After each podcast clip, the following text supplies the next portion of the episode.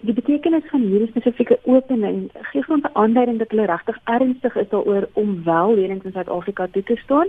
Ons sien dat hulle op hierdie stadium reeds meer lenings toegestaan het, byvoorbeeld Indië en China, as in Suid-Afrika. Die enigste lening klaar blyklik aan Suid-Afrika tot op hede een wat aan Eskom gemaak is in 2016.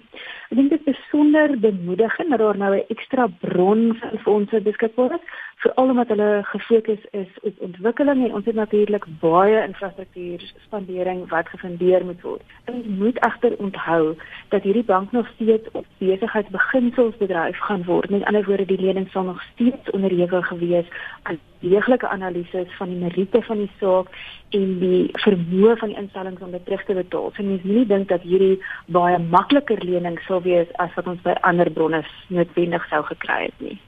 So wat beteken dit vir Suid-Afrika en die ekonomie in die langtermyn? Ek dink op hierdie stadium is een van ons groot kommerpunte natuurlik ons het baie infrastruktuur behoeftes wat gefundeer moet word vir al die semi-staatsinstellings en dit word vir hulle moeiliker om fondse in die hande te kry. So dit is bemoedigend enige addisionele bron van fondse wat waartoe hulle dalk kan toegang hê.